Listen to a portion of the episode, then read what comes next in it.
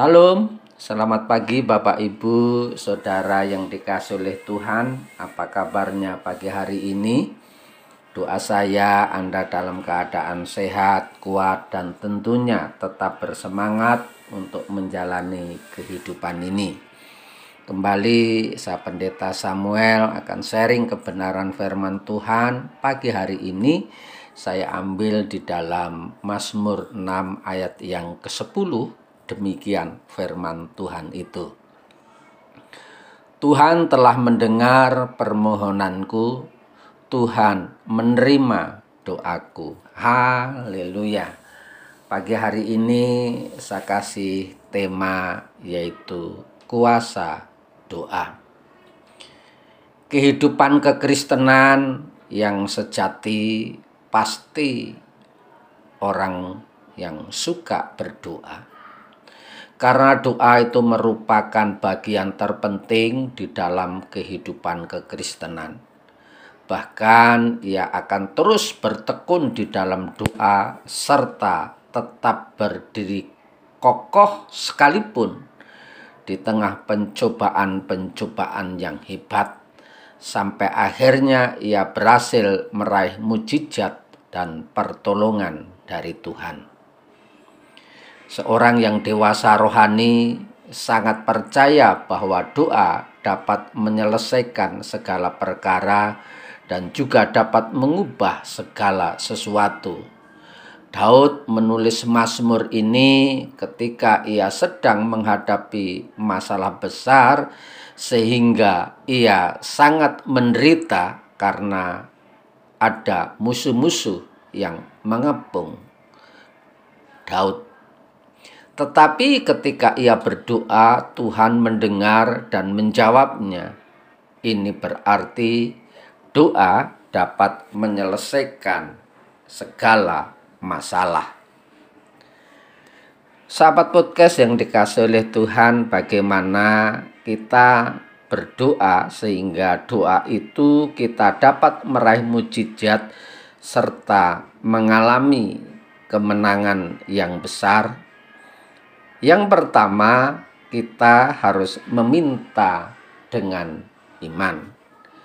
Yakobus 1 ayat 6 Hendaklah ia memintanya dalam iman dan sama sekali jangan bimbang sebab orang yang bimbang sama dengan gelombang laut yang diombang-ambingkan kian kemari oleh angin. Sahabat podcast ya dikasih oleh Tuhan berdoa dengan iman berarti walaupun tidak melihat atau belum melihat jawaban dari Tuhan tetap percaya. Dalam hidup ini ada fakta dan janji. Orang beriman memegang janji Tuhan karena janji Tuhan ya dan amin dan tidak pernah berubah artinya Tuhan pasti menjawab doa-doa kita. Yang kedua, berdoa dengan hati yang hancur di hadapan Tuhan. Mazmur 51 ayat 19 berkata, korban sembelihan kepada Allah ialah jiwa yang hancur. Hati yang patah dan remuk tidak akan kau pandang hina, ya Allah. Orang yang hancur hati adalah orang yang selalu siap diajar, siap ditegur, siap dididik, siap diproses untuk menuju kedewasaan rohaninya. Oleh karena itu, orang yang memiliki hati yang mudah dibentuk, hati yang hancur diproses oleh Tuhan, tidak memberontak tetap setia dalam Tuhan, maka Tuhan sangat memperdulikan orang-orang yang hancur hatinya. Yang ketiga, kita harus memiliki hidup yang benar.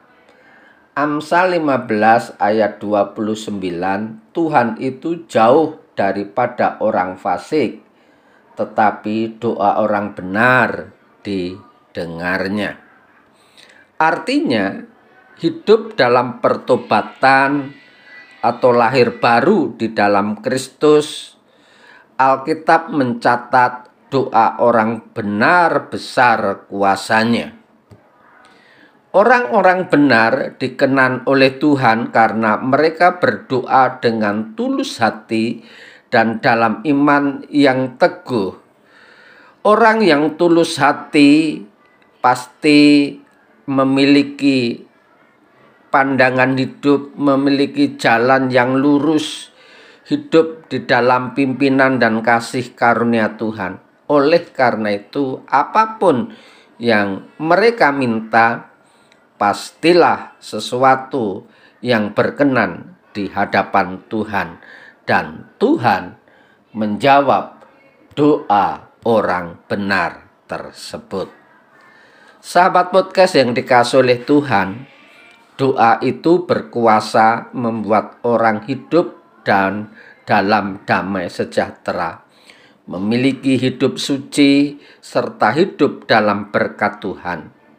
Orang Kristen yang hidup tanpa doa adalah seorang yang rapuh, mudah putus asa, dan akan mengalami banyak kegagalan dalam hidupnya.